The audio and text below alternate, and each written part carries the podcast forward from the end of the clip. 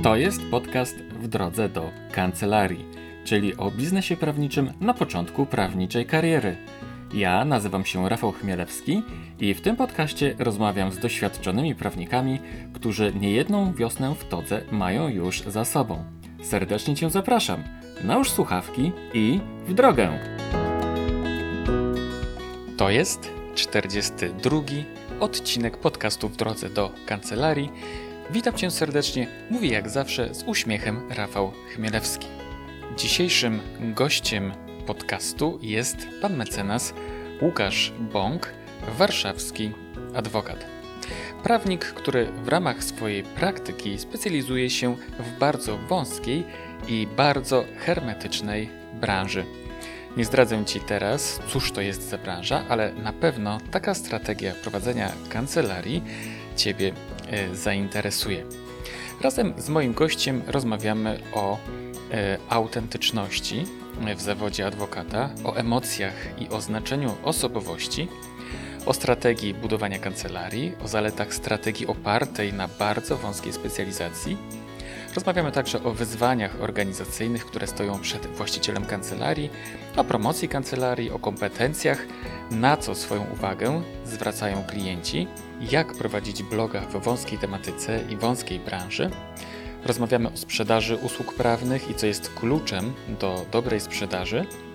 E, mój gość powie także, jaką ma radę dla początkujących prawników i dlaczego każdy prawnik powinien dużo czytać. Rozmawiamy także o tym, e, dlaczego program do zarządzania kancelarią prawną Vicarius wspiera rozwój kancelarii. Zanim posłuchasz mojej rozmowy z panem mecenasem Bąkiem, wcześniej chciałbym Cię e, zaprosić zgodnie z tradycją do posłuchania szczypty doświadczenia z zakresu organizacji kancelarii, a więc cykl Poprawnik Kasi.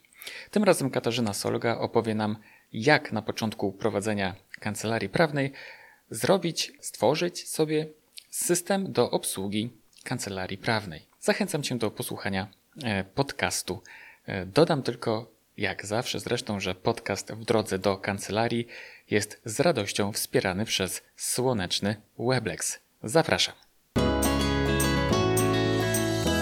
No to czas na kolejny sekret. Kasiu, jaki sekret nam dzisiaj, o jakim sekrecie będziesz dzisiaj mówić? Odejdziemy dzisiaj trochę od tematów bezpieczeństwa i dziś powiem o tym, jak sobie samodzielnie i za darmo na samym początku funkcjonowania kancelarii zrobić prosty system do obsługi e, prawnej. Tak naprawdę to jest pewna koncepcja, tak? E, system e, i wdrożenie systemu do obsługi kancelarii prawnej porządkuje pracę, porządkuje dokumenty, wprowadza pewną hierarchię. Jakby jest to fajne, są to fajne rozwiązania. Bardzo polecam korzystanie z tego typu systemów, natomiast mogę sobie wyobrazić, że ktoś na początku y, nie ma środków, nie ma zaufania tak, do na przykład systemu chmurowego i chce to zrobić sam. I moja propozycja polega na tym, żeby zorganizować sobie po prostu na dysku foldery, yy, które są ułożone w takiej strukturze. Mamy klient, mamy folder klienta z nazwą klienta, w folderze klienta nazwy kolejnych spraw, w takim folderze danej sprawy zapisujemy wszystkie dokumenty, które dotyczą e, tej sprawy i powstaje nam w ten sposób historia, tak? Historia po prostu danej sprawy, obsługi. Jeśli do tego dodamy mm, taki system, który my stosujemy, żeby wszystkie pliki w kancelarii zaczynały się od daty, tak? Data, e, rok, miesiąc, e, dzień, nazwa pliku, sam wgląd w tak utworzoną strukturę plików już dużo potrafi powiedzieć yy, na temat historii sprawy. Można się łatwo odnaleźć. Warunkiem tak naprawdę jest przechowywanie wszystkich dokumentów również w wersji elektronicznej, czyli skanowanie wszystkiego, co przychodzi w wersji papierowej, wkładanie do tego folderu. Powstaje całkiem niezły y, system, który porządkuje życie kancelarii. Mój system do obsługi kancelarii tak naprawdę wspomaga nam to. To znaczy, że my zakładając akta w systemie, automatycznie właśnie tworzymy folder na dysku klienta i podfoldery dotyczące spraw. Do tego, żeby już tak się lepiej zorganizować, y, mieć też miejsce na wpisywanie terminu, polecam zastosowanie jakiegokolwiek kalendarza w wersji elektronicznej. Czyli mamy tak, system folderów na dysku, kalendarz w wersji elektronicznej i teraz takim y, sekretem, moim zdaniem, który bardzo mocno tutaj usprawni pracę, jest zapisywanie w tym kalendarzu oprócz terminów związanych z rozprawami, spotkaniami, również korespondencji przychodzącej i wychodzącej, po prostu jako termin w kalendarzu, tak? Czyli dostajemy do kancelarii pismo, rejestrujemy, że dziś przyszło takie i takie pismo, skanujemy je do akt. Jeśli nasz kalendarz ma możliwość podłączenia sobie tego dokumentu linkiem, to można go też podlinkować. I podobnie, jeśli chodzi o korespondencję y, wychodzącą, rejestrowanie tej korespondencji w kalendarzu kancelarii jako po prostu terminów, to wyszło w danym dniu, tak? Y, bardzo jest to pomocne, ułatwia potem odszukanie, pracę z dokumentami. My mamy, y, ponieważ mamy taką możliwość, żeby w naszych systemach stworzyć sobie osobny kalendarz dla każdego pracownika, widzieć również też y, taki kalendarz wspólny, to w zasadzie każde rozwiązanie internetowe, myślę, ma, to te terminy poczty przychodzącej i wychodzącej są y, w takim jakby terminarzu fikcyjnego pracownika, który nazywa się książka pocztowa tak? I ktoś, kto ma potrzebę sprawdzenia jakichkolwiek rzeczy związanej z korespondencją, wchodzi sobie na kalendarz tego fikcyjnego pracownika i y, wszystko widzi. Myślę, że ten system folderów, klient, sprawa, kalendarz plus ewentualnie jakieś proste rozwiązanie do rejestracji czasu pracy, y, jak na przykład toggle, zupełnie na początek załatwi sprawę organizacyjne i porządkowe. Mhm. Na początku, czyli na jednak, początku. jednak e, mimo wszystko e, polecasz posiadanie jakiegoś systemu do zarządzania kancelarią. Zdecydowanie. Tak. Zdecydowanie e, polecam e, posiadanie takiego systemu, e, natomiast polecam też rozważenie co najmniej trzech rzeczy przed jego wyborem i myślę, Rafał, o tym w następnym odcinku. Dobrze, ja tylko jeszcze chciałem powiedzieć o jednej rzeczy, że warto, warto warto kopiować swój dysk z komputera i w szczególności wtedy, jeżeli się gromadzi na nim akta i korespondencję z klientami i tak dalej. Y, no warto go kopiować, warto go szyfrować. Nie? W tym momencie też. Dobra, oszyfrowanie może kiedy indziej. Ale kopiować warto I, nie, i trzeba sobie ten dysk zakupić i zbierać tam kopie zapasowe swojego dysku. I w miarę możliwości od czasu do czasu jeszcze taką jedną kopię umieścić gdzieś poza kancelarią. Nie? To jest wskazane rozwiązanie. Y, bo jeśli przechowujemy jakby i komputer, czy tam dysk, czy nasz powiedzmy serwer czy paraserwer w tym samym miejscu, w którym przechowujemy tą kopię, no to je, jeśli e, będzie jakieś poważne nieszczęście, no to stracimy i jedno i drugie, tak? Mówię tu o kradzieży, mówię o jakimś, nie wiem, pożarze, zalaniu, także myślę, że raz na jakiś czas taką kopię można po prostu poza kancelarię wynieść, bądź zdecydować się na jakąś chmurę, tak? Mhm. Bo e, stare przysłowie mądre mówi, że dopóty dzban wodę nosi, dopóki mu się ucho nie urwie. Nie, bo o kopiach zapasowych to coś było, że są tacy ludzie, którzy robią kopie zapasowe i tacy, którzy będą robić kopie tak. zapasowe, tak? Warto. Dobrze, dziękuję Ci Kasiu. Tyle Katarzyna Solga. Jeśli chcesz wiedzieć więcej na temat organizacji kancelarii prawnej, to również zapraszam Cię do odwiedzin bloga Kasi, który znajdziesz pod adresem jakprowadzićkancelarię.pl. Kolejny odcinek z cyklu Poprawnik Kasi w następnym podcaście. A teraz mecenas Łukasz Bąk. Gościem kolejnego odcinka podcastu w drodze do kancelarii jest mecenas Łukasz Bąk, warszawski adwokat. Cześć Łukaszu. Cześć. E, jak się dzisiaj czujesz? Powiedz nam Świet, wszystkim. Świetnie. Jest piękna polska jesień. Aha, no rzeczywiście. Nie jest za gorąco, ale e, jesteś uśmiechnięty, ale prawdę mówiąc, za każdym razem, kiedy cię widzę, to zawsze jesteś uśmiechnięty. Eee, no, miło mi to słyszeć. Po prostu masz wesołe usposobienie, nie? Tak możliwe, możliwe. Masz pozytywne podejście do życia? Chyba tak, chyba tak. Znaczy ciężko ci o tym powiedzieć, bo nigdy nie miałeś negatywnego, to też ciężko to ocenić może. Tak? Tak, nie, zastanawiam się, czy, czy ktoś z moich klientów mi to kiedykolwiek powiedział. Yy, chyba nie, może o, ja po prostu wiesz... nie było okazji. Uh -huh. Myślę, że oni to czują po prostu. No tak, no na, na pewno y, usposobienie y, ma wpływ na to, jakimi adwokatami jesteśmy. Mhm. Ci, którzy ten zawód wykonują, to jest bez wątpienia odczuwalne y, przez klienta y, od ręki. Więc uh -huh, uh -huh. jeżeli rzeczywiście tak jest, taki jestem, no to myślę, że klienci także to dostrzegają. Uh -huh, mhm. A wiesz, że ludzie bardziej lubią tych, którzy się uśmiechają. W ich obecności e, bardziej bezpiecznie się czują. Niewykluczone, że moje doświadczenia zawodowe to potwierdzają. potwierdzają, no bo ja w ogóle czuję się dobrze z moimi klientami. No.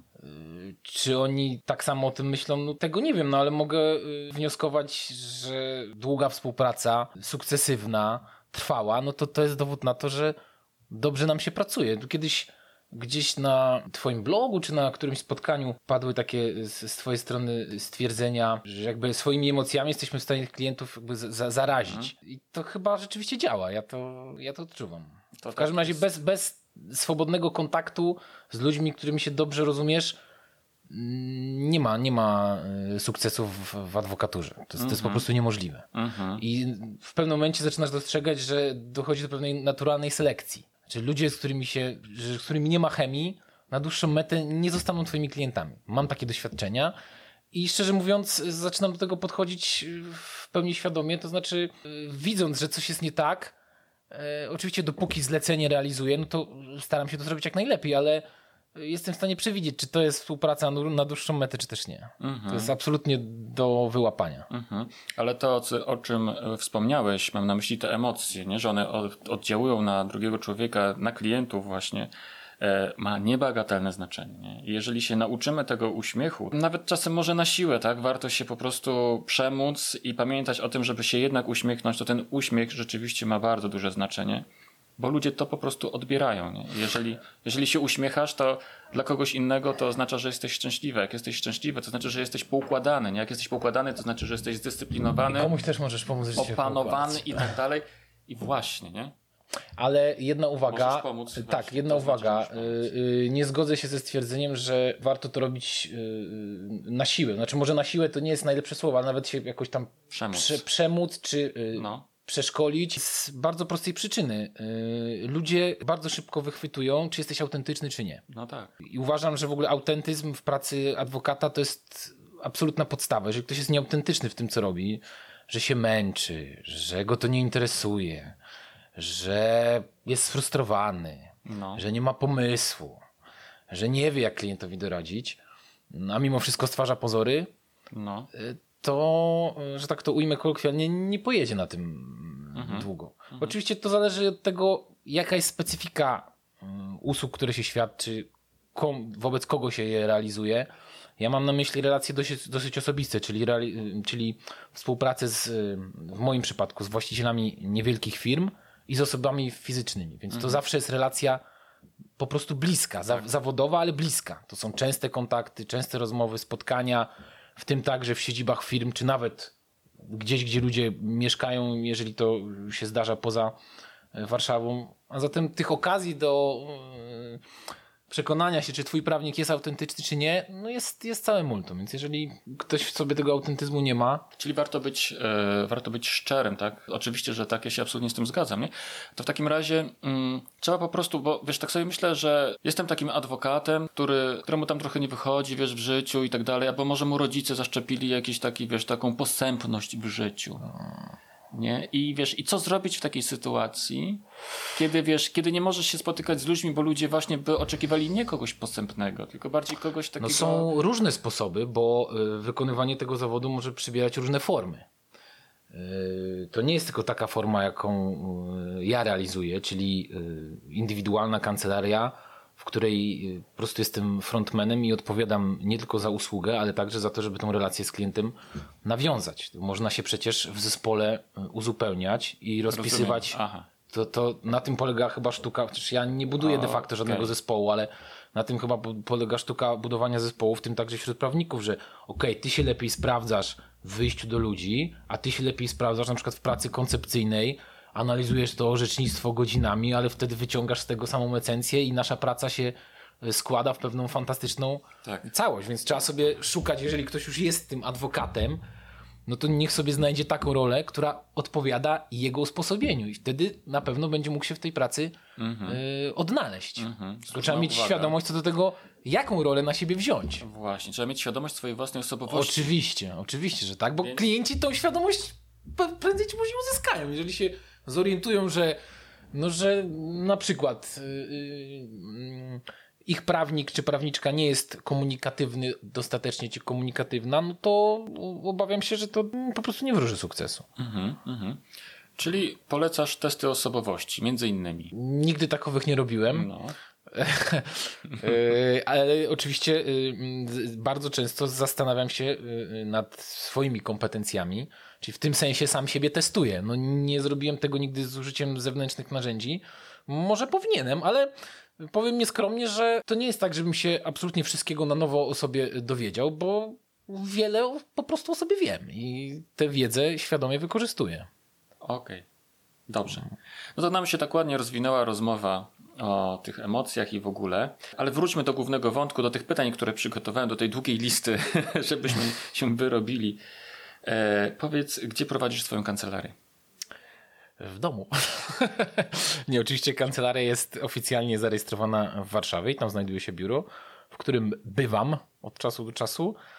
Ale faktycznie yy, na co dzień większość czasu spędzam w domu, yy, no ale też poza biurem i poza domem. Jeżdżę, podróżuję, czy to na rozprawy, na wokandy, czy też y, spotykam się z klientami.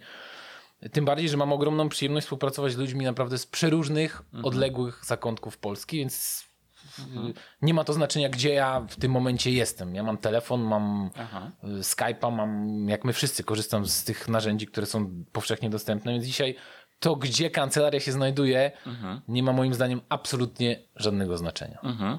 Ale czasem w tej kancelarii, tam gdzie masz ją zarejestrowaną i w której czasami bywasz, tam przyjmujesz czasem jakichś klientów? Y, tak, oczywiście. To jest miejsce, które cechuje jakaś pewna estetyka. Lokalizacja też jest yy, nie najgorsza. Traktuję to jako swoją wizytówkę. Tam także jest takie centrum organizacyjne, tam wpływają moje dokumenty, jest tam osoba, która mi administracyjnie pomaga. Bez tego nie dałbym e, sobie rady. No a ponadto, jeżeli ktoś oczekuje spotkania, na przykład jest to osoba w ogóle spoza Warszawy i specjalnie tu do mnie przyjeżdża, no to wtedy tam się widzimy i to jest rzeczywiście fajne miejsce, bo ono pokazuje też, że to jest poważna kancelaria, że to jest firma, która ma jakieś swoje też organizacyjne fundamenty. To nie jest, nie jest bez znaczenia. Dobrze, zanim przejdziemy dalej, to jeszcze tylko powiedz, e, odpowiedz na to stałe, fundamentalne w moim podcaście pytanie: kawa czy herbata? Kawa. Czarna czy z mlekiem? Czarna. Mhm. A jak w domu sobie robisz kawę, to w jaki sposób najczęściej? No mamy taki już wysłużony ekspres, który chodzi... I ciśnieniowy 20... czy przelewowy? Yy, ciśnieniowy. Mhm.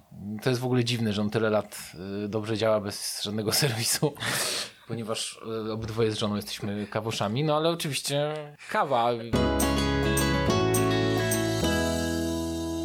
Dlaczego zostałeś adwokatem? Do końca to nie wiem, dlaczego zostałem adwokatem. Kiedy studiowałem prawo, to nie miałem swojego wyobrażenia, co będę w przyszłości robił. To jest zresztą moim zdaniem bolączka wtedy była młodych ludzi, że nie do końca sobie uświadamiali, co to znaczy wykonywać zawód prawnika i że to może mieć różne mniej lub bardziej interesujące formy. A w którym roku zacząłeś studia? Skończyłem chyba w 2006 czy 2005. Aha. I co, tutaj na UW? Czy gdzie tak, w Warszawie. No i testowałem y, y, siebie w ten sposób, że mm, zdobywałem pewne doświadczenia zawodowe, ale raczej mm, moje zainteresowania szły w kierunku prawa publicznego. Więc nie wykluczałem kariery gdzieś w sferze właśnie publicznej. Natomiast przekonałem się, że to absolutnie nie jest to, y, o co mi chodzi. Uświadomiłem sobie, że cenię sobie niezależność, że podporządkowanie, w jakim funkcjonują ludzie związani ze sferą publiczną, prawnicy, to nie jest zupełnie e, dla mnie. W pewnym momencie trafiłem do pracy w kancelarii adwokackiej i się przekonałem, że to jest absolutnie to, że to jest fantastyczne, że to jest pasjonujące, że to bez przerwy stymuluje moją głowę, że to są ciągłe wyzwania intelektualne. A kolejnym etapem było uruchomienie własnej firmy, czyli wejście w pewną sferę realizacji biznesu, co jest w tym wszystkim moim zdaniem najtrudniejsze dla mnie. A w czym się specjalizujesz jako adwokat? jeżeli się w czymś specjalizujesz. Tak, są takie o, o, obszary, dziedziny czy branże, y, na których się koncentruję. Y, po pierwsze, jestem autorem bloga y, prawowlesie.pl. Blog powstał dlatego, że mm, zacząłem współpracować z branżą mm, usług leśnych, czyli firm, które realizują pracę na rzecz lasów państwowych. To jest bardzo interesująca branża, wciąż nierozpoznana przez prawników, ale nie w tym sensie, że ona jest nie, niewyeksploatowana, tylko tam jest wiele ciekawych zagadnień, wiele potrzeby tego, żeby Y, profesjonalny doradca się temu przyjrzał z boku, więc to jest duża część mojej aktywności y, zawodowej. Ale y, nie, nie tylko, bo ja się w ogóle zajmuję prawem cywilnym i gospodarczym, czyli po prostu współpracuję z przedsiębiorcami, pomagam im w no, bieżącej działalności, windykuję ich należności, opiniuję ich umowy. No jest wiele różnych ciekawych problemów, które wspólnie rozwiązujemy i to się generalnie wszystko obraca wokół tematów gospodarczych. Oczywiście po drodze są jakieś inne jeszcze e, sprawy, jakieś procesy cywilne, nawet tak klasyczne, tradycyjne jak sprawy o zasiedzenie, ale w ogóle procesowanie się to jest mój żywioł. Absolutnie to uwielbiam. Dlatego ja generalnie ludziom po prostu nie odmawiam, bo mi to sprawia ogromną przyjemność. Jeżeli oczywiście dotyczy dziedziny, na której trochę się znam, no bo wtedy, kiedy wchodzimy w sferę absolutnie specjalistyczną, to się tego nie dotykam. No ale e, tak to wygląda. Więc ta paleta spraw jest szeroka, z pewnym akcentem na tą branżę leśną właśnie. Mhm. Skąd się wzięło to zainteresowanie tą branżą leśną? Wiesz, to tak jak zacząłeś mówić, to wydaje, zaczęło mi się wydawać, że to musi być strasznie e, ciekawa branża, bo tak, bo to są przedsiębiorstwa, firmy, z którymi współpracujesz, to przedsiębiorstwa leśne, one, on, ich jakby klientem e, są lasy państwowe, tak? Więc oni wszyscy pracują dla jednego mega wielkiego klienta. Tak. W związku z tym jest to bardzo wąskie środowisko, bardzo hermetyczne. Wszyscy tak. się tam znają. Tak, tak. Domyślam się też, że e, w takiej branży jest bardzo duża konkurencja. Mm, tak, to, to jest bardzo ciekawy wątek. E, to też różne rzeczy tam się dzieją na pewno. Yy... Ale wiesz co, powiedz, skąd się wzięło zainteresowanie u Ciebie To jest trochę branżą? przypadek. Po prostu kiedyś yy, yy, zająłem się sprawą osoby, która była związana z tą, z tą branżą leśną jako dziennikarz. Potem założyła własną gazetę, własne wydawnictwo. Nasza współpraca trwa do dzisiaj. To jest fantastyczna, taka biznesowa nasza wspólna yy, przygoda. Ja sobie to bardzo cenię. Tym bardziej, że ta osoba miała bardzo duży wpływ na budowanie mojej rozpoznawalności w tej, w tej branży. No i to się tak zaczęło. Ja wspólnie wpadliśmy na pomysł, że będę publikował tam w tej branżowej prasie e, e, e, artykuły. No i w miarę upływu czasu zacząłem nabywać doświadczeń, co powoduje, że kolejne tematy do kolejnych tekstów się mm, pojawiały. Potem się pojawił temat bloga, no a jednocześnie kontakty się rozwijały. Mm, zlecenia pojawiały i w ten sposób mm, jakoś się w tym odnajduje. Mhm. Więc to, to, jest, to zupełnie naturalnie do ciebie przyszło. To... To, jest, to jest przypadek, natomiast z tego przypadku można wyciągnąć bardzo y, ciekawe wnioski, polegające na tym, że, y, że jak ktoś stawia swoje, swoje pierwsze kroki w, w tej profesji, to mógłby sobie znaleźć tego typu bardzo wąską branżę, zupełnie nie wiadomo skąd, nie, nie, nie, z, której, z którą dotychczas nie miał kontaktu, i zbudować swoją e, strategię marketingową w oparciu właśnie o rozpoznawalność tej branży i uważam, że to jest do zrobienia. Oczywiście wszystko zależy od tego, o jakim sektorze biznesu mówimy, ale te moje doświadczenia pokazują, że to jest bardzo dobry i fajny sposób na to, żeby się odnajdywać na rynku usług prawnych, a takich branż jest pełno. Zresztą pokazują to też blogi z sieci WebLex, bo tam naprawdę niektóre te tematy są tak wąskie i hermetyczne, specjalistyczne i wierzę, że ci ludzie odnoszą sukcesy, no bo to jest dla nich też jakiś jeden z fundamentów e, swojej działalności, więc mhm. tak, to jest jak najbardziej ciekawa droga i mhm, może być mhm. skuteczna. A e, ci przedsiębiorcy leśni, z którymi współpracujesz, jakie najczęściej mają problemy? E, z którymi do ciebie walorem, walorem tej, tej sfery jest to, że ponieważ zleceniodawcą są lasy państwowe, to kontraktowanie y, dokonuje się na zasadzie prawa przetargowego. No. Czyli każdy y, spośród tych osób, które, które chce wykonywać usługi, musi przystąpić do przetargu. I tu się pojawia ten obszar, gdzie konieczne jest, czy bywa skorzystanie z usług prawnych. To nie zdarza się wszędzie. Natomiast w tej branży każdy stosuje prawo przetargowe, a zatem prawie każdy prędzej czy później może mieć potrzebę skorzystania z usługi prawnej. Tak. Więc na tym polega też jakby wartość z punktu widzenia efektywności tego prawniczego biznesu, że, że tutaj jest duża potrzeba na usługę e, prawną, Oczywiście potem to rodzi takie konsekwencje, że już współpracujemy nie tylko w odniesieniu do prawa przetargowego, ale też kontraktów z innymi no y, zleceniodawcami, windykujemy, zdarzają się jakieś tematy prawnokarne, kiedy na przykład pracownik y, nabroi i trzeba mu pomóc no to wiadomo, to potem tak, tak się rozrasta. Natomiast esencja tej współpracy dotyczy w zasadzie prawa zamówień y, publicznych.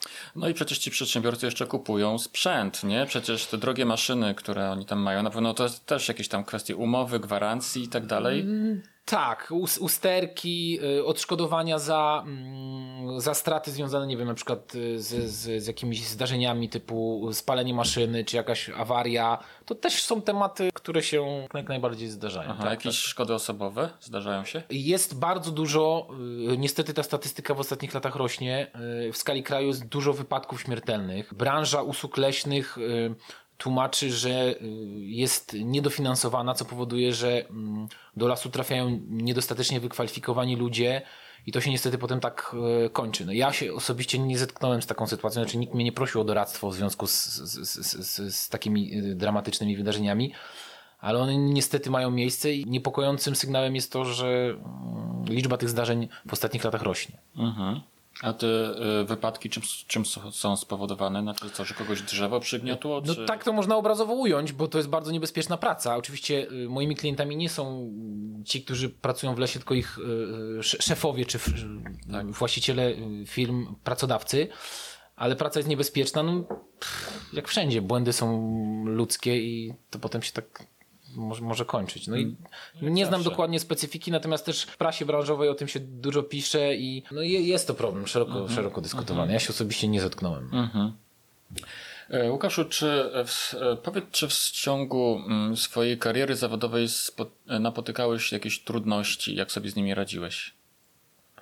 Powiedziałem przed chwilą, że trudne jest dla prawnika, który się decyduje prowadzić własną firmę. W pewnym momencie trudnością, przynajmniej dla mnie, tak to wygląda. Jest po prostu mm, organizacyjne ujęcie tego wszystkiego i spojrzenie na to y, jako na biznes. No, my się uczymy, kształcimy się na prawników, uczymy się prawa, walki procesowej, narzędzi proceduralnych. Tego nas ktoś prędzej czy później uczy na studiach, na aplikacji. Y, natomiast prowadzenia biznesu uczymy się sami, chyba że tą wiedzę gdzieś pobieramy z, nie wiem, na przykład od osób bliskich albo kontynuujemy biznes rodzinny. No akurat nie miałem takiej możliwości. Zatem te kroki stawiałem zupełnie sam i to było duże wyzwanie. To nadal jest wyzwaniem, dlatego że y, firma się rozwija i trzeba podejmować decyzje, co dalej, jak organizować własną pracę, żeby ona stała się efektywna, żeby to się nie odbywało kosztem życia prywatnego, poświęcenia dla rodziny, bo tego po prostu nie akceptuję.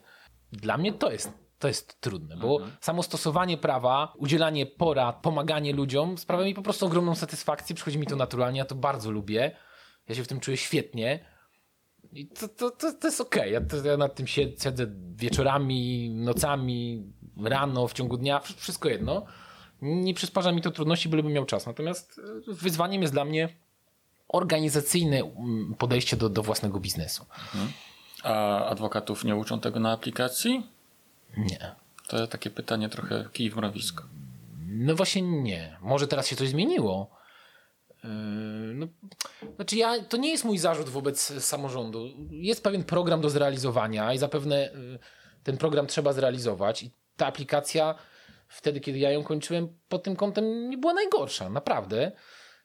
Mo, może taka jest natura tego kształcenia, że pozostałe umiejętności trzeba sobie nabyć skądinąd. Na przykład przyglądając się swoim szefom, patronom, kiedyś ten patronat funkcjonował inaczej, to też było dobre źródło nabywania doświadczeń, czy przypatrywanie się z bliska komuś, kto ten biznes już sam prowadzi. Więc to ja też zresztą przeszedłem przez y, etap pracy u kogoś i to tam wiele z tych umiejętności nabyłem. Jak organizować swoją małą prawniczą firmę, jak się umieć sprzedać i osiągać sukces. Mhm.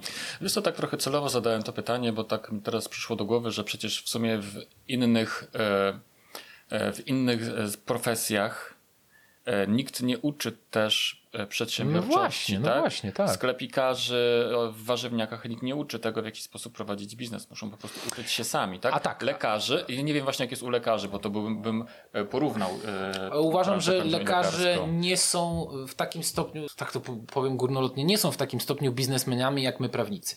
Nie muszą być Nie muszą być, nie... ale wiesz, to wynika z tego, że po prostu u nich jest mała konkurencja, a więcej chętnych do przyjścia po usługę, nie? W branży, w branży naszej jest zupełnie inaczej i dlatego my o tym myślimy. No przecież wiesz, e, zanim, e, jak ja założyłem Weblexa, tak jak jeszcze nie było tematu w ogóle marketingu prawniczego, to, był taki, to były czasy, kiedy była bardzo niska konkurencja wśród e, prawników i oni nie musieli, tak jak dzisiaj lekarze, tak wtedy prawnicy nie musieli w ogóle myśleć o tym właśnie, jak zorganizować swój system, jak swoją firmę zorganizować, to, co, to o czym powiedziałeś. Dzisiaj się sytuacja zmieniła, u lekarzy wciąż jest tak samo jak było kiedyś, nie? Tak, tylko ja to, czego ewentualnie mógłbym oczekiwać od tych, którzy kształcą młodych prawników, to yy, yy, uświadom, uświadamiania tym adeptom, że słuchajcie, yy, oprócz tego, że nabywacie wiedzę prawniczą, no to musicie mieć świadomość, że w pewnym momencie wpadacie y, y, na rynek i y, jesteście odpowiedzialni za to, żeby sobie pracę samemu zorganizować nie chodzi o to, żeby dać komuś y, y, do ręki wszelkie narzędzia, ale przynajmniej budować w nim taką świadomość i może jakieś umiejętności kształtować. No ale okej, okay, no wiem, że warunki są takie, a nie inne i absolutnie nie zrzucam tutaj y, na karp tego kształcenia jakichś niepowodzeń, w tym także moich własnych. No, możemy po prostu tę wiedzę czerpać z innych źródeł. -huh. to, to, też działa, -huh. tak jak w moim mhm. przypadku. Tak, Wiedzę możemy czerpać albo od starszych kolegów, tak, albo też od innych przedsiębiorców, którzy bardzo często mają bardzo fajne rzeczy do powiedzenia, mógł nas wiele nauczyć. Tak. Prowadzisz kancelarię jednoosobową, czy zatrudniasz kogoś do pomocy? Korzystam z pomocy osoby takiej, e, która e, wspiera mnie od strony administracyjnej. A tak to jestem sam. Oczywiście wtedy, kiedy potrzebuję wsparcia, no to jest y, mój y, y, wspólnik Marcin Jaskot. Wzajemnie sobie pomagamy, czy to konsultując jakieś sprawy, czy też zastępując się w sądzie. Są też inne osoby, z którymi współpracuję ad hoc a jak według Ciebie dzisiaj wygląda promocja kancelarii prawnej? Jak Ty to robisz? Ja to robię na kilka sposobów. Jeżeli chodzi o tą mm, branżę usług leśnych, to mam ten komfort, że już od kilku lat jestem z nią związany, więc y, bazuję na pewnej rozpoznawalności, która po tym czasie y, już, już funkcjonuje. Ale ja cały czas staram się nad nią pracować. Znaczy, y, po pierwsze, publikuję w prasie branżowej. Po drugie, zdecydowałem się na prowadzenie bloga, którego potraktowałem jako uzupełnienie tej, tej swojej palety, polegającej na tym, że, żeby się pokazać ludziom, że tak, ja się nad tym znam i tym się zajmuję. Bywam na imprezach branżowych, osobiście tam jeżdżę, y, bo wiem, że mm, klienci sobie cenią osobisty kontakt. To nawet nie chodzi o to, że oni mogą danego dnia przyjść i o coś zapytać, podyskutować, ale myślę, że mm, mają takie przekonanie, ok, że ten człowiek tutaj jeździ, rzeczywiście kojarzymy go, albo dzisiaj pierwszy raz słyszymy jego nazwisko, no ale utkwi nam w pamięci, że rzeczywiście był na tej y, naszej branżowej imprezie i w jakiś sposób jest z tym środowiskiem związany. Dla mnie to jest też wielka satysfakcja właśnie z tego kontaktu face to face, bo ja po prostu poznaję problemy y, branży i one są, do, dobrze jest o nich wiedzieć. I to są moje kanały komunikacji y, w ramach tej specjalizacji. Jeżeli chodzi o inne sfery, to wygląda to bardziej tradycyjnie. Po prostu polegam na rekomendacjach, które w miarę upływu lat coraz bardziej procentują i, pączkują. Mam ten komfort, już kilka lat działam na rynku, czyli y, zdarza mi się, że ktoś przychodzi, potrzebuje y, ode mnie y, pomocy i mówi, że dostał kontakt od znajomego. No, takie po prostu tradycyjne, klasyczne metody poczty pantoflowej wzajemnego polecania. To działa po prostu. To też jest jakiś segment, który przysparza mi określony procent obrotu i przychodu. Poza tym z tego jest wielka satysfakcja, bo naprawdę y, wszystkim moim klientom, którzy z taką informacją do mnie trafiają, mówię, o wiele bardziej dla mnie cenne jest to, że ktoś mnie polecił, niż jakakolwiek faktura terminowo uregulowana. Bo mnie to cieszy, że, że, że ktoś ręczy reputacją za mnie. To, to jest ogromna satysfakcja. Mhm, mhm. Jak wspomniałeś o tych, e, e, o tych imprezach branżowych, mhm. E, masz na myśli konferencje, szkolenia, na których ty występujesz? Czy... Nie, nie, nie. To są takie targi, gdzie promowane są, gdzie, gdzie się promuje sprzęt i różne inne akcesoria związane z pracą w lesie. Ja korzystam z gościnności organizatorów, skądinąd wydawcy tejże prasy branżowej, właśnie na tym polu także współpracujemy i zawsze jest, znaczy nie zawsze, kiedy mogę, jestem tam, mam swoje miejsce, mogę usiąść kto ma ochotę, może ze mną porozmawiać, a ja Mhm. Ponieważ lubię rozmawiać, to, no. to, to, to, po prostu czas leci nam tam bardzo szybko. Aha. E, ile zajmuje Ci czasu promocja Twojej marki? Tak, gdybyś miał e, wziąć pod uwagę czynności, które wykonujesz, nie wiem, właśnie na przykład napisanie artykułu w blogu, e, napisanie artykułu do prasy branżowej i tak dalej, ile Ci to czasu zajmuje? Powiem szczerze, że uważam, że za mało. Ja bym bardzo chciał, żeby to mi zajmowało więcej czasu, ale nie mam tego czasu więcej. Aha. Gdybym włożył, y, mógł włożyć więcej czasu, to, to ten zwielokrotniłbym efekt. Mhm. Krótko mówiąc, ta działalność jeszcze bardziej by się y, rozwinęła, ale tutaj mam, tak powiem, pewne ograniczenia, problemy. Mm, musiałbym po prostu wejść chyba na jakiś inny stopień organizacji własnej pracy, rozbudować zespół i wtedy poświęcić się bardziej na y, strategiczne y, zadania. Póki co tak to nie wygląda. Jaki to jest procent tego czasu, to nie wiem. Obawiam się, że niewielki. Właśnie tutaj fajnie byłoby jednak w pewnym momencie skupić się bardziej już na tym niż na wypracowywaniu esencji w postaci porady, usługi, ale to jeszcze nie jest ten etap. Tak, tak, jeszcze tak. Jeśli tak jak słucham ciebie, wiesz, są prawnicy, którzy na promocję poświęcają masę czasu. Wiesz, ile czasu wymaga wyprodukowanie live'a na Instagramie, żeby, wiesz, jeszcze zrobić make-up, ubrać się, zadbać o otoczenie, zadbać o język, przygotować się do tego, co masz powiedzieć, e, stworzyć jakiś produkt i tak wymaga to koszmarnie dużo czasu. A u ciebie jest to minimum czasu, jak sam powiedziałeś, które poświęca, że chciałbyś poświęcać więcej czasu, ale mimo tego twoja kancelaria się rozwija. Masz spokój, że to wszystko jest na dobrej drodze i widzisz przed sobą progres. No chyba, żeby coś tam się stało, co, tak. co zawsze może się stać, ale generalnie rzecz biorąc, masz, masz spokojną głowę, że to wszystko się do, dobrze toczy. E, czy to nie jest tak, że to właśnie wybór specjalizacji albo branży konkretnej jest jednym z, z najlepszych sposobów właśnie na rozwój kancelarii? Jest, tak uważam. Na biznes w ogóle? Tak, chociaż, na promocję? Tak, chociaż yy, yy, byłbym daleki od y, y, takiego prowadzenia kancelarii, żeby tylko skupić się y, na tej działalności, a nie innej. Bo tak jak wspomniałem, ja po prostu jestem dosyć wszechstronnym adwokatem. Znaczy, to nie jest przejaw mojej próżności, tylko po pierwsze, ja lubię różnorodność w, w pracy. A po drugie, no, są pewne sfery, w których my adwokaci się po prostu dobrze czujemy. No, jeżeli rozmawiamy o procesach, procesach sądowych w oparciu o uregulowania kodeksu cywilnego, czy kilku jakichś podstawowych aktów prawnych, no to na Boga, każdy dobrze wykwalifikowany prawnik sobie może z tym poradzić, czyli kompetencje merytoryczne mm, po prostu mamy. Yy, oczywiście klienci, którzy na nas patrzą z zewnątrz, no to mogą powiedzieć, o, ten to się zna na e, prawie w usługach leśnych, ale ten klient sobie nie uświadamia, że to prawo jest dokładnie takie samo, jak, jakie w innych branżach, oczywiście z pewnymi y, różnicami. Im więcej się o pewnym środowisku wie, tym lepiej się człowiek w nim czuje. No tak. Absolutnie uważam, że y, jest to świetny sposób na to, żeby wesprzeć efektywność y, swojego biznesu. A skąd się biorą polecenia według Ciebie? Z autentyczności. Powiedziałem na początku, że uważam, że prawnik musi być autentyczny. Jeżeli ktoś jest autentyczny i przekonujący, jeżeli kogoś jego praca po prostu ekscytuje i to po nim widać, to się czuje, to klient uznaje go za wiarygodnego i godnego polecenia.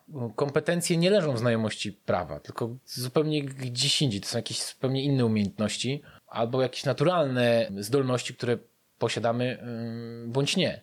Mówiliśmy o tym, jak dobrze lokować siebie jakieś, w biznesie czy w jakichś strukturach. Znaczy, jeżeli mam świadomość, że pewne rzeczy mi wychodzą, a inne nie, no to powinienem je robić. Jeżeli mam świadomość, że w pewnej sferze się nie sprawdzam, a w innej się sprawdzam, no to tak powinienem się zorganizować, żeby yy, realizować siebie tam, gdzie jestem po prostu najlepszy. Mhm. Te polecenia, rekomendacje no, z tego się chyba biorą. Mhm. A to są chyba raczej moje domysły, no bo tego mhm. nikt mi nigdy nie, nie mhm. powiedział.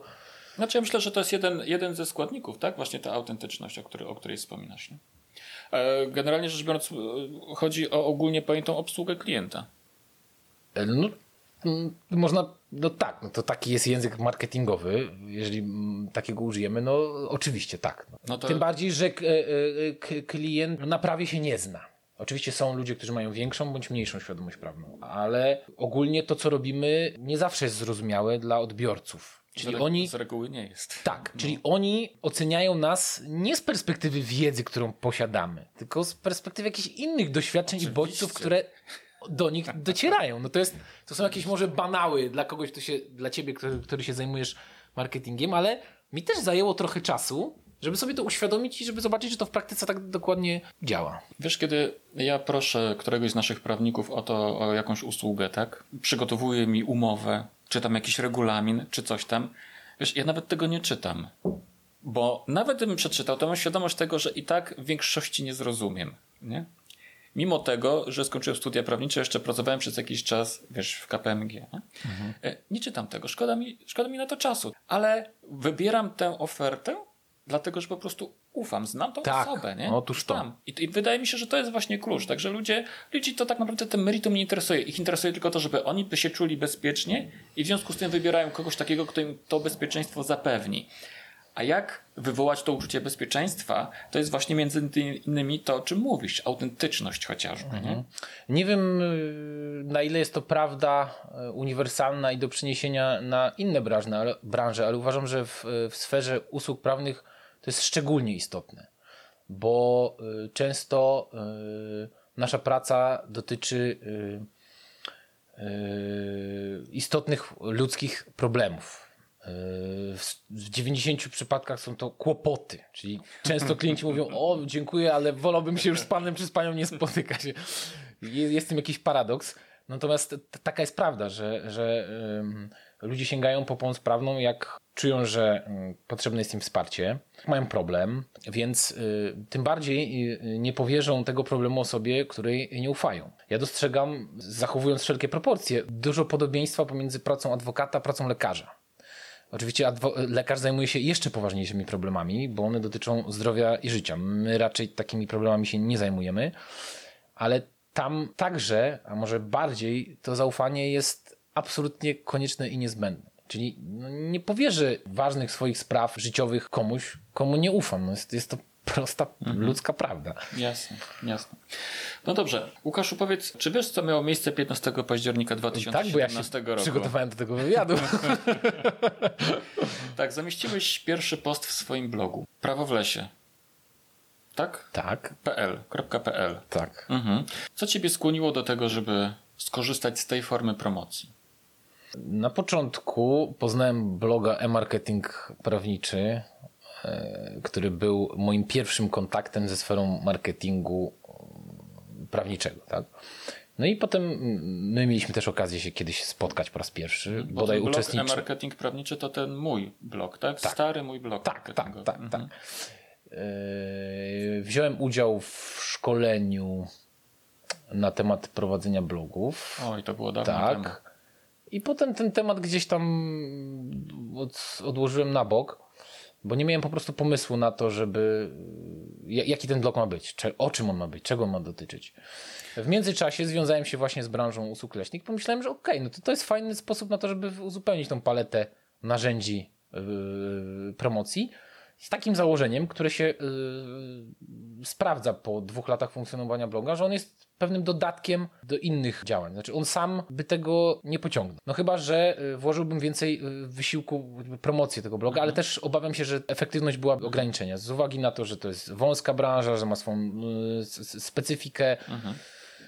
A zatem no, po prostu pomyślałem, że okej, okay, że to jest taki, taki, taki moment, że można spróbować i lubię to, chociaż chyba nie należę do grupy takich blogerów najbardziej aktywnych. Mhm tak przynajmniej mi się wydaje, jak porównuję to, co ja robię z innymi osobami, które, których liczba wpisów jest imponująca, którzy, które otwierają blog za blogiem. Mhm.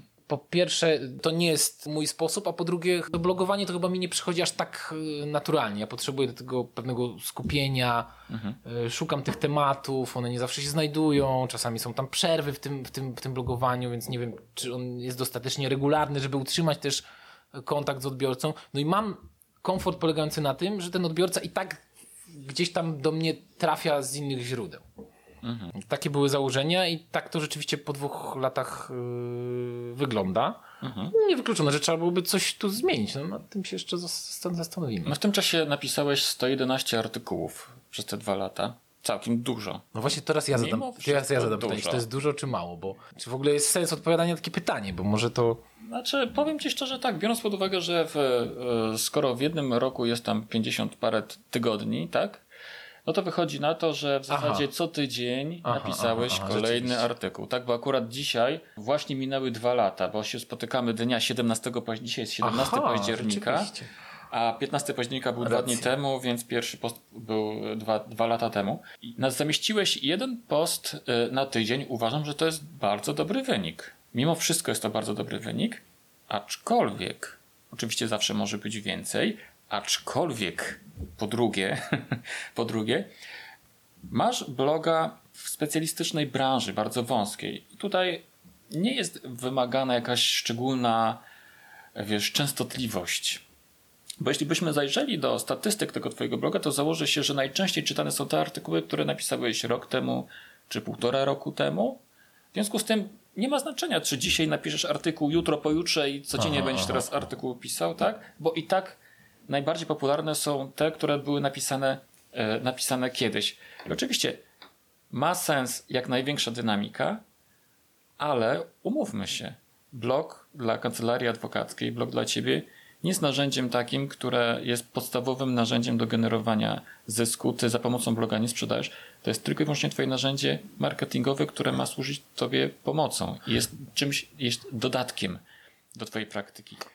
Jest jeszcze taka tym... kwestia, że uważam, że to blogowanie musi mieć w sobie dużą dozę naturalności. O, autentyczności. Tak, oczywiście. Czyli jeżeli ja po prostu nie mam potrzeby, żeby Y, te swoje teksty tam umieszczać z regularnością y, co 2-3 dni, to tego nie robię. No I tyle. I z takiego założenia wychodzę. Tak. Nie wiem, czy to jest prawidłowe założenie, czy nie. Natomiast wiem, że inni mają w tym większą pasję, odnajdują tak. się w tym lepiej i czyli to po prostu jest uzależnione od naszych osobistych Dokładnie. preferencji. Gdybym miał dzisiaj, w dniu 17 października, otworzyć swoją kancelarię, nie mając nic i gdybym zadecydował, że dobra, uderzam w jakąś branżę, no to wtedy pewnie intensywność blogowania miałaby znaczenie, bo dopiero kreowałbym ten tak. swój wizerunek jako tak. osoby związanej z pewnym środowiskiem. Tutaj takiej sytuacji nie ma, więc nie robię tego. Mm -hmm, nie piszę I części. Właśnie, właśnie tak to wygląda. A więc autentyczność nie tylko w kontaktach z klientami, ale też właśnie tak, przy tak. prowadzeniu bloga. Tak. Mm, skąd czerpiesz pomysły na artykuły w swoim blogu? To są po prostu przypadki z życia wzięte.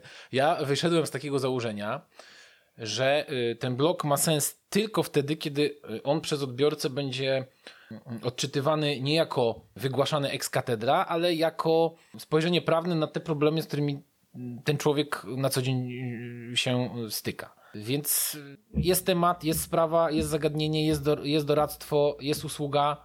To jedno, a potem z tego wychodzi jakiś pomysł, który, z którym warto się podzielić, o którym warto e, napisać. Mhm. Taka jest, wydaje mi się, dosyć naturalna mhm. E, droga do tego, żeby te tematy e, mhm. tworzyć. Mhm. I na końcu artykułu często dajesz zdjęcie autorstwa swojej małżonki. Tak. Z lasu. Nawiązując jakby do, do tematyki, ale no nie tylko. Moja żona y, lubi fotografować, bardzo jej w tej pasji kibicuje i robi to świetnie. Więc mam ogromną przyjemność, że się mogę e, tym e, podzielić, a poza tym no w ten sposób też staram się dbać o estetykę tych e, tekstów. Tak to również traktuję.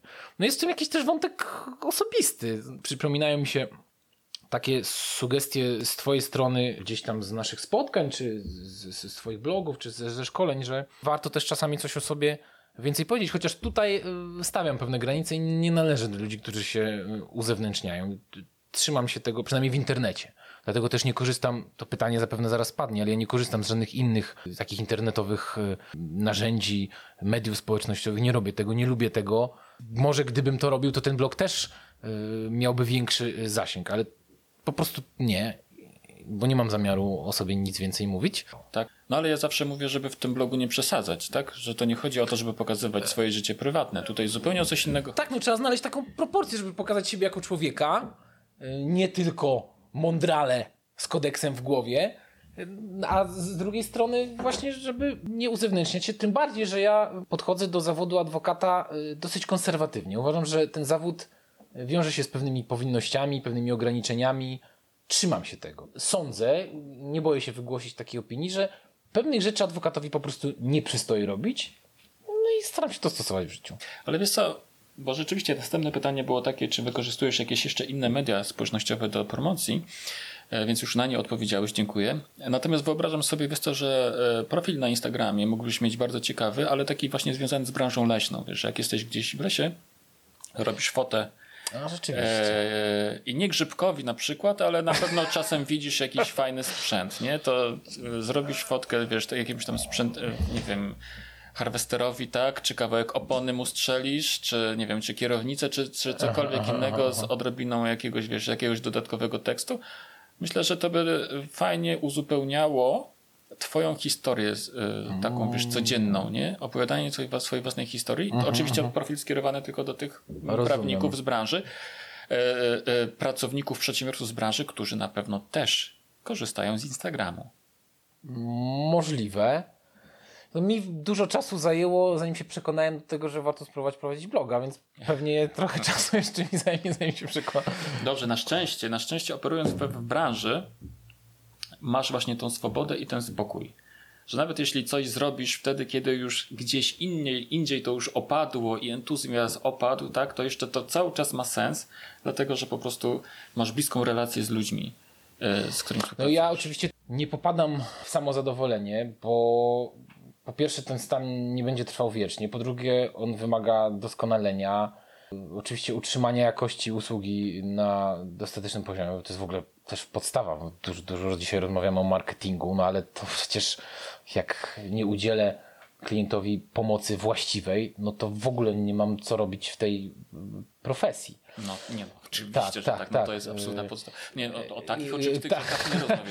Ale, ale chodzi o to, że no nie wiem, przecież może być tak, że nagle 10 prawników, czy 20, czy 50 zainteresuje się branżą mm, usług leśnych, co zmniejszy mój komfort, no i ja jestem na to gotowy, ja o tym myślę.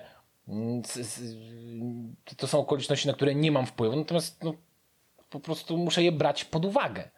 Trzeba być przygotowanym na to, że sytuacja może y, się zmienić, że nie wiem, że na przykład w branży pojawi się taki kryzys, który spowoduje, że potrzeba y, korzystania z usług prawnych zmniejszy się. Dlatego też staram się robić inne rzeczy, w ten sposób fundamentów jest po prostu kilka. Mhm. Powiedz, jak sprzedajesz usługi? Proces sprzedaży jest długi, skomplikowany. To wszystko, o czym dzisiaj mówimy, to jest element tego procesu. Natomiast dla mnie bardzo istotny jest osobisty kontakt, czyli możliwość pokazania siebie, nie tylko co ja myślę o sprawie, ale w ogóle jak, jak danej sprawie, z którą klient do mnie przychodzi, ale jaki ja w ogóle jestem, jakie mam podejście do tego, żeby dzięki temu dać klientowi możliwość selekcji. Żeby klient powiedział, nie, nie, ten człowiek to mi nie pasuje, źle mi się z nim rozmawia, on mnie nie przekonuje, nie wierzę mu. Albo o tak, tak, ten jest lepszy niż tamten, bo jakoś lepiej się komunikujemy. Więc mam dużą wiarę w tradycyjną metodę kontaktu. Mhm. Niezależnie od tych wszystkich nowinek. Mhm. Prędzej czy później lubię się spotkać. Oczywiście jest wiele takich sytuacji, w których relacja do pewnego momentu to jest tylko telefoniczna, mailowa, nie widzimy się z klientami.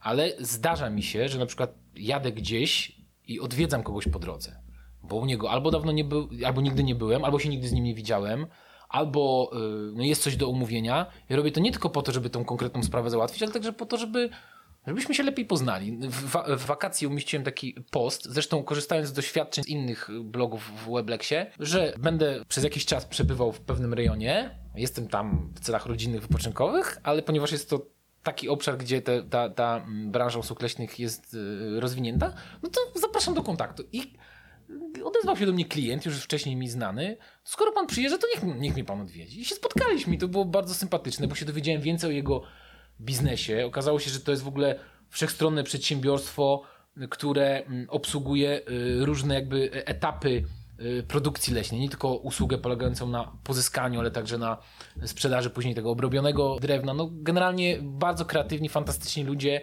mający świetne pomysły. Jak zwykle y, też w, w, tym środowisku firma rodzinna. Po prostu przyjechałem, porozmawialiśmy sobie. Świetnie, bardzo sobie to cenię.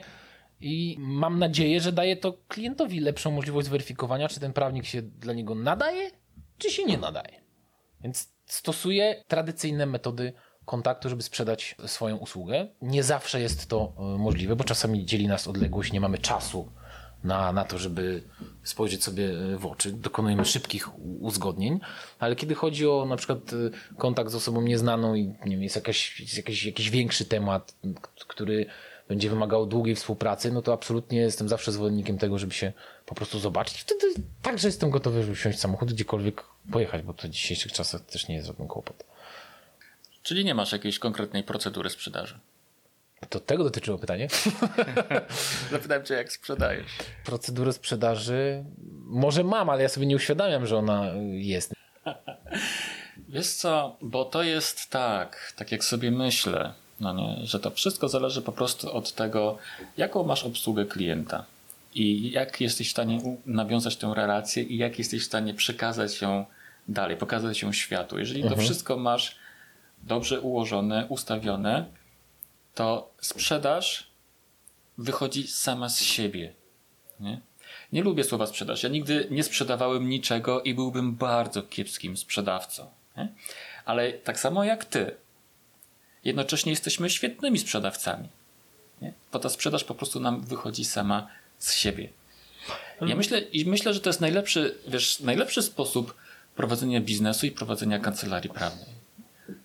Dbasz o obsługę klienta, dbasz o dobrą relację ze swoimi klientami, informujesz o tym za pomocą bloga, za pomocą prasy branżowej, uczestnicząc e, w eventach mhm, -huh, branżowych -huh. i to w zupełności wystarczy.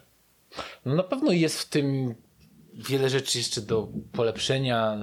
No pewnie e, tak. To jest, to jest ciągła praca, tu się nic y, nie dzieje raz na zawsze. No nie wiem, teraz zastanowiła mnie ta kwestia tej procedury sprzedaży. No są pewne czynności, które tradycyjnie oczywiście wykonuję w odniesieniu do podobnych zleceń.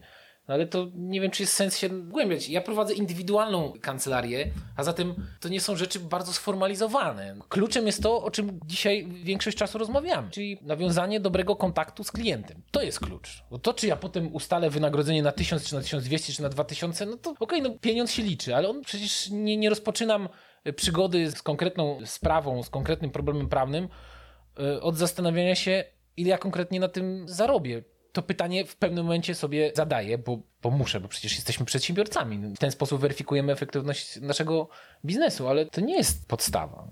Mhm, mhm. Super, dziękuję. Nie mam więcej pytań co do sprzedaży. Eee, może tak na marginesie jeszcze powiem, że gdybym ja musiał, wiesz, mieć jakąś procedurę sprzedaży, ją stosować, wiesz, jakieś regułki i tak dalej, Nigdy bym w życiu tego nie robił. Nie jestem takim człowiekiem, nie? No nie wierzę, że, że, że, inaczej. że masz taką procedurę. I... Nie mam. Absolutnie. Znaczy po prostu my, my, którzy prowadzimy biznes w takiej skali y, i który, który ma charakter takiego autorskiego biznesu, no to mamy swoje przyzwyczajenia, e, e, czynności, które wykonujemy, przyjmując kolejne zlecenia. Jest w tym jakaś doza powtarzalności, ale to jest na tyle niesformalizowane, że powiem szczerze, że nie ma o czym mówić. Procedury sprzedażowej w takim sensie nie ma, przynajmniej nie w moich kancelarii. Łukaszu, w swoim blogu zamieściłeś kiedyś zdjęcie e, adwokata, butelki adwokata, likieru jajecznego. tak. Z informacją, że wręca, wręczasz go każdemu klientowi po wygranej sprawie. Mm, tak. Prawda to jest? Yy, ostatnio zaniedbałem przygotowywanie tego trunku, no bo te butelki trzeba po prostu napełniać i je wytwarzać. No. Ale tak, pr prawda jest taka, że zdarzyło mi się już wiele razy przygotować coś takiego. Nie, nie pamiętam w jakich okolicznościach w ogóle wpadłem na ten pomysł, ale, ale to, się, to się podoba moim klientom i to jest myślę, że fajny sposób na zaakcentowanie, no szczególnie jak się wspólną sprawę, na przykład sądową, wygra, ale to nie tylko. Oczywiście ten, ten trunek trafia do klientów także w innych sytuacjach i y, okolicznościach. Czasem jeszcze przed y, wyrokiem, może nawet lepiej czasem przed niż, niż, niż po. No ale tak, tak, to jest. Okej, okay, a jak pomysł. się robi taki adwokat? Zdrać Nie, no to bez, bez szczegółów, absolutnie. Tak. Myślę, że każdy, kto jest tym zainteresowany, y, y, przepis znajdzie, bo jest to y, powszechnie prosta dostępne, procedura. Tak. Tak. tak, tak, tak, tak. Likier jajeczny. I Bardzo tyle. fajnie. Zmieńmy trochę temat. Załóżmy, że można byłoby cofnąć czas i gdybyś miał jeszcze raz wybierać zawód? Czy wybrałbyś może inny zawód nie, dla sędziego, na przykład nie, nie. prokuratora? Nie, dlatego że to, co adwokat. robię, bardzo to lubię. Uważam, że to w jakimś sensie po prostu do mnie pasuje, do tego, jaki jestem, czego ja potrzebuję. to jest swoboda, to jest niezależność. Niezależność nie taka tylko finansowa, organizacyjna, to jest taka powiedziałbym niezależność y, intelektualna. Znaczy nam jako adwokatom, którzy y, pomagają innym, nikt nie mówi, co my mamy robić. Znaczy to my jesteśmy osobami, które mają mówić ludziom, co powinni zrobić. Decyzja ostateczna w większości przypadków leży oczywiście po stronie klienta, ale na tym polega fantastyczny aspekt tej pracy, że zachowujemy niezależność. Mhm. A oprócz tego jesteśmy, czy możemy być wolnymi strzelcami i dodatkowo jeszcze, w zasadzie o tym to powinienem powiedzieć na, na, na początku, że pomagamy ludziom. Mhm. Jeszcze na tym zarabiamy, a z mhm. pomagania ludziom można czerpać ogromną satysfakcję. To jest, to jest, wiel... to jest, to jest po prostu fantastyczne, że można pomagać ludziom i jednocześnie wykonywać swoją pracę, a w rezultacie jeszcze z tego żyć. Więc to, to po prostu wszystkie te cechy powodują, że nigdy bym tej pracy na inną nie zamienił w szczególności na państwową posadę prokuratora. Nie, nie, nie, absolutnie. Nie, nie, nie, nie. E, jaką masz radę dla początkujących prawników, początkujących kancelarii? Radę mam taką, żeby się zastanowili, jacy oni są, dlaczego oni ten zawód wykonują. Bo właśnie od, od, takich pytań należy wyjść, myśląc o sobie w dalszej perspektywie. Wracamy do tematu autentyczności. Jeżeli e, uświadomię sobie, w czym jestem dobry, a w czym nie, nie, nie to, że w jakim prawie jestem dobry, a w jakim prawie jestem niedobry, tylko jakie mam cechy, które mnie wyróżniają na tle innych, to potem idąc dalej powinienem sobie ustalić, czy się sprawdzam jako sprzedażowiec, czy może powinienem współpracować z kimś inaczej yy, alokować swoje yy, kompetencje.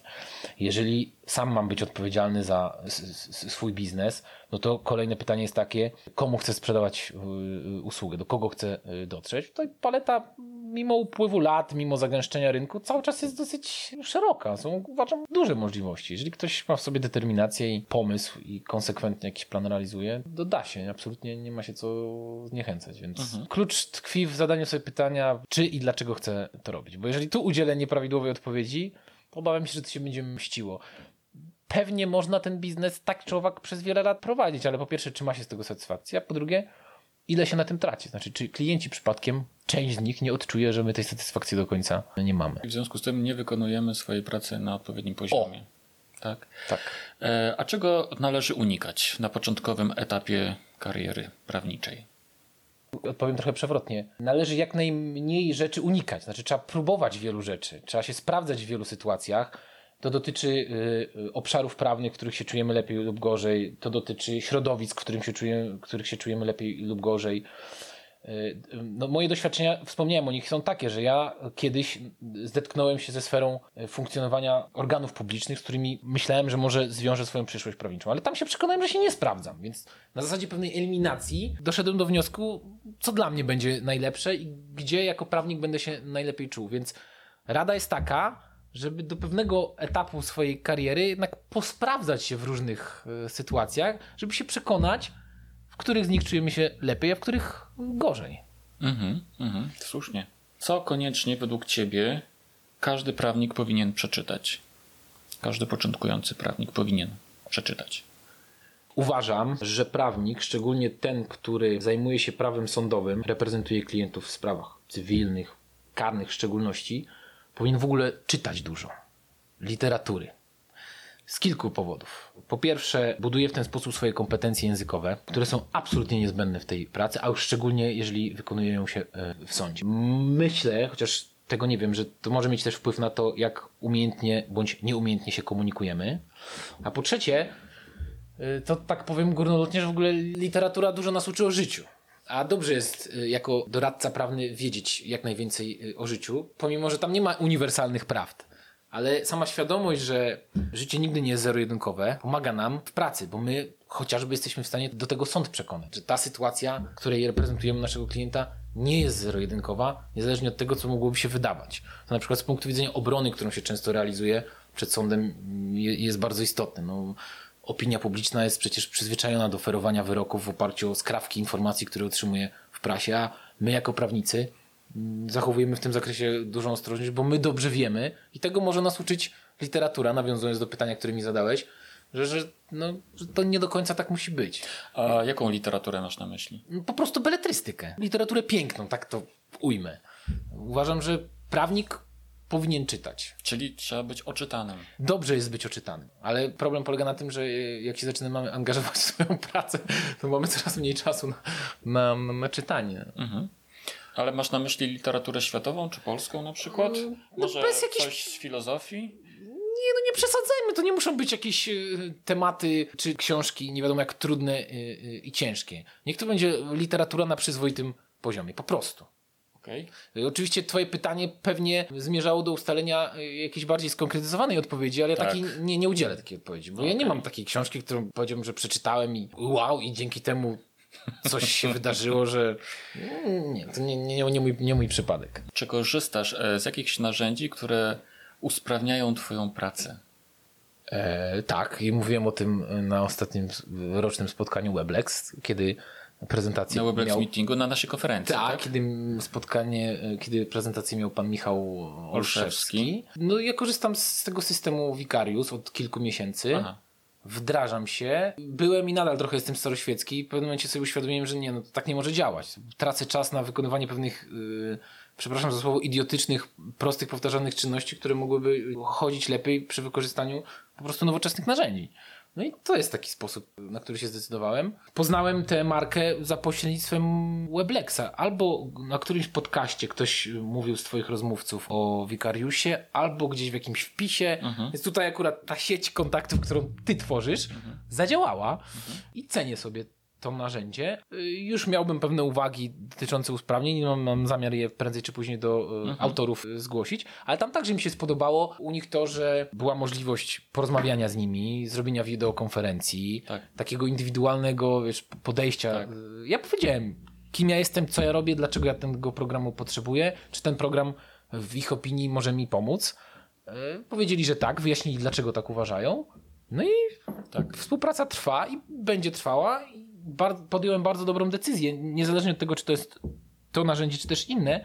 Chodzi o to, że po prostu uświadomiłem sobie, że no, no naprawdę pewne rzeczy można robić prościej. Poza tym to jest dobra baza do tego, żeby rozwijać firmę. Dlaczego? No, chociażby dlatego, że przy powiększaniu zespołu i na przykład konieczności rejestrowania czasu pracy w odniesieniu do konkretnych zleceń, działamy na tym samym programie, tworzymy raporty, generujemy faktury. Kiedy firma się rozrasta, no to wszystko po prostu zaczyna funkcjonować na tej platformie. Ja wiem, że to, co ja mówię dla tych, którzy już prowadzą kancelarię, gdzie zatrudniają kilka osób, są jakieś banały, i przepraszam słuchaczy niniejszym za to, no ale takie są moje doświadczenia. Może jestem, no nie wiem, 10 lat do tyłu niż inni moi rówieśnicy, no ale tak to po prostu wygląda. Ja sobie cenię to narzędzie i myślę, że będę dalej z niego korzystał, eksploatował. On absolutnie nie jest jeszcze w, pełni przeze mnie używany. Mhm, mhm. Wiesz co, ja promuję Vicariusa, generalnie rzecz biorąc. Opowiadam o nim dlatego, że to jest dobry program, ale przede wszystkim jest tam niesamowita obsługa klienta. I rzeczywiście ci twórcy, Michał Olszewski, Andrzej Dzierzgwa, oni rzeczywiście są w stanie z każdym jednym klientem po prostu się spotkać, porozmawiać i mało tego, jeśli masz jakieś uwagi i im prześlesz, to oni te uwagi o, wdrożą. No, mam już nie? kilka takich drobnych uwag no, przez tak, tego tak. kontaktu. E, gratuluję im tego. Ciekawe, co będzie, jak biznes się będzie dalej rozwijał i wtedy jest pewnie trudniej dotrzeć do tego indywidualnego klienta, ale póki co mam odczucia absolutnie takie same. I po prostu podobał mi się ten taki argument, gdzie też gdzieś chyba znalazłem w jakimś twoim wpisie, że, że to jest y, y, polska firma stworzona tutaj od podstaw, że oni, to oprogramowanie, to jest ich autorski produkt, no to też jest godne po prostu pochwały i cenię sobie taki model, dlatego właśnie z tego korzystam. Mhm, mhm. Poza tym on się sprawdza. Kiedy napiszesz swoją książkę? Temat pisania książek też się w Twoich publikacjach swego czasu pojawiał, czy nadal pojawia? I zastanawiałem się nad tym, bo ty o tym mówiłeś jako też pewnym narzędziu marketingowym. No i mógłbym sobie wyobrazić sytuację, w której tworzę jakąś książkę, która jest zaadresowana do branży, którą obsługuję, ale miałbym pewien kłopot na dzisiaj z zdefiniowaniem jakby zawartości takiej publikacji. Co powinno się w niej znaleźć, żeby to nie była jakaś nie wiem, grafomania, żeby to było użyteczne, żeby to ludziom się chciało po to sięgnąć. No. Takie mam wątpliwości i obawy i na razie ich nie wyjaśniłem. Może jak skończymy wywiad, to jeszcze skorzystam z jakiejś twojej porady i coś mi tutaj... -hmm. No wiesz, to co masz w blogu, tak? To, o czym piszesz w blogu. Tylko mi się, wydaje mi się, że, no, że tak mu trzeba było nadać pewną całość. Początek i koniec, tak? To jest jakaś, jeżeli miałbym wyjąć z tego bloga te teksty i je powklejać na, na papier, i zszyć te kartki, to nie tak sobie to wyobrażam. Ale wiesz, niektórzy, niektórzy autorzy dokładnie tak robią. No słuchaj, ale okej, okay, to yy, posłuchajmy się przykładem twojej książki. książka była zbudowana o, o treść bloga. Tylko, że y, w, była w niej też pewna systematyka, jest w niej pewna systematyka. Znaczy, tę książkę się czyta od A do Z, tak? Albo można oczywiście też do niej zaglądać e, ad hoc, ale ona jest pewną zamkniętą jakby e, publikacją, tak, tak. historią, opowieścią. Tak. Ja nie mam pomysłu na tego typu e, publikacje, a na pewno nie będę pisał czegoś, co będzie kolejnym gramotem na zasadzie komentarz, tak jak prawnicy mówią, komentarz kończy się tam, gdzie się zaczynają problemy. No to ja nie jestem profesorem, naukowcem i to nie jest w ogóle mój model, ani mój typ, więc to, zresztą tego nikt by pewnie nie kupił po prostu. O, wiesz co, ja myślę, że wiele osób by kupiło, po pierwsze. Ja myślę, że nie doceniasz siły swojej marki, którą masz w tej branży. Jestem przekonany, że wielu z twoich klientów a także innych osób, które po prostu podczytują tego bloga, chciałoby po prostu mieć Twoją książkę z samego tego faktu, że Ty ją napisałeś. Wielu pewnie by nawet nie przeczytało, wiesz, połowy, ale chcieliby po prostu to mieć. E, ją mieć, dlatego że ona pochodzi od. Ja, ja bym chciał mieć poczucie, że tam jest coś sensownego w środku, nawet jeżeli książka stoi Jasne. na półce i nie mogę przejść nad tym do porządku dziennego, więc na dzień dzisiejszy mhm. Nie widzę takiej możliwości. Natomiast wcale nie jest wykluczone, że w miarę upływu czasu, nabywania dodatkowych mhm. doświadczeń, urodzi się taka koncepcja, która Jasne. jest w ogóle fantastyczna. Mi się ten pomysł bardzo podoba. Tym bardziej, jeżeli będzie miał charakter taki popularyzatorski. Czyli, że ten, że ten klient, jak już mu się zachce otworzyć, to tam coś przeczyta i powie, no tak, to ma sens, ma rację, warto się do tego zastosować, cenne doświadczenia, więc to są warunki, które na razie są niespełnione. Dobrze, myślę, że to już wszystko jest jeszcze przed tobą. E, a dzisiaj jeszcze powiedz, jakie masz marzenia? Chciałbym, znaczy rozumiem, że rozmawiamy o sferze z, zawodowej. Tak. Chciałbym e, dalej, no może to zabrzmi trochę jakoś tam trywialnie i przyziemnie, ale ja bym po prostu chciał dalej ten biznes e, prowadzić, który mi sprawia ogromną satysfakcję. Chciałbym, żeby on funkcjonował się, rozwijał żebym miał pomysły na to, jak go usprawniać. Nie jestem osobą, która y, potrafi y, formułować jakieś dalekosiężne plany i potem konsekwentnie je realizować. W mojej głowie oczywiście są jakieś pomysły, jakieś idee, jakieś, jakieś koncepcje, ale czasem jestem mniej albo bardziej konsekwentny w dochodzeniu y, do nich. Tak zresztą było z tym blogiem. Też tam kiedyś był pomysł, potem go zarzuciłem, Potem jak powstały dopiero okoliczności, to on, on, on także został wytworzony. I tu jest podobnie, no przepraszam, ale nie, nie powiem nic takiego wielkiego mam w, w tym zakresie. Znaczy nie ma jakiegoś marzenia, które jest absolutnie do, do, do spełnienia, bo nie potrafię tego nazwać. Wiesz, utrzymanie status quo, że tak się wyrażę, też jest wyzwaniem. To znaczy, to, w dzisiejszych czasach. Tak, ale nie chciałbym, żeby to też zostało źle zrozumiane, bo dzisiaj też panuje kult takiego ciągłego rozwoju. Tak. I z jednej strony warto się rozwijać, tak. warto być y, coraz y, lepszym w tym, co się robi, tak. ale też ogromną sztuką jest nie tracić na tej, y, na tej jakości, tak. co jest bardzo trudne, kiedy telefon się grzeje, kiedy maile wpływają, tak. kiedy zleceń jest dużo. Tak. I jeżeli sobie nagle zaczynasz uświadamiać, że kurczę, a jak mi się noga powinie albo zrobię coś nie tak, tak ekstra, jakbym jeszcze zrobił 3 lata temu, to znaczy, że już jest nie, coś nie tak, więc nie no. chciałbym, y, żeby taka sytuacja mnie spotkała. I tym wesołym akcentem, Łukaszu, serdecznie Ci dziękuję za e, kilka, kilkanaście, kilkadziesiąt nawet zdań i za bardzo ciekawą rozmowę. To ja dziękuję.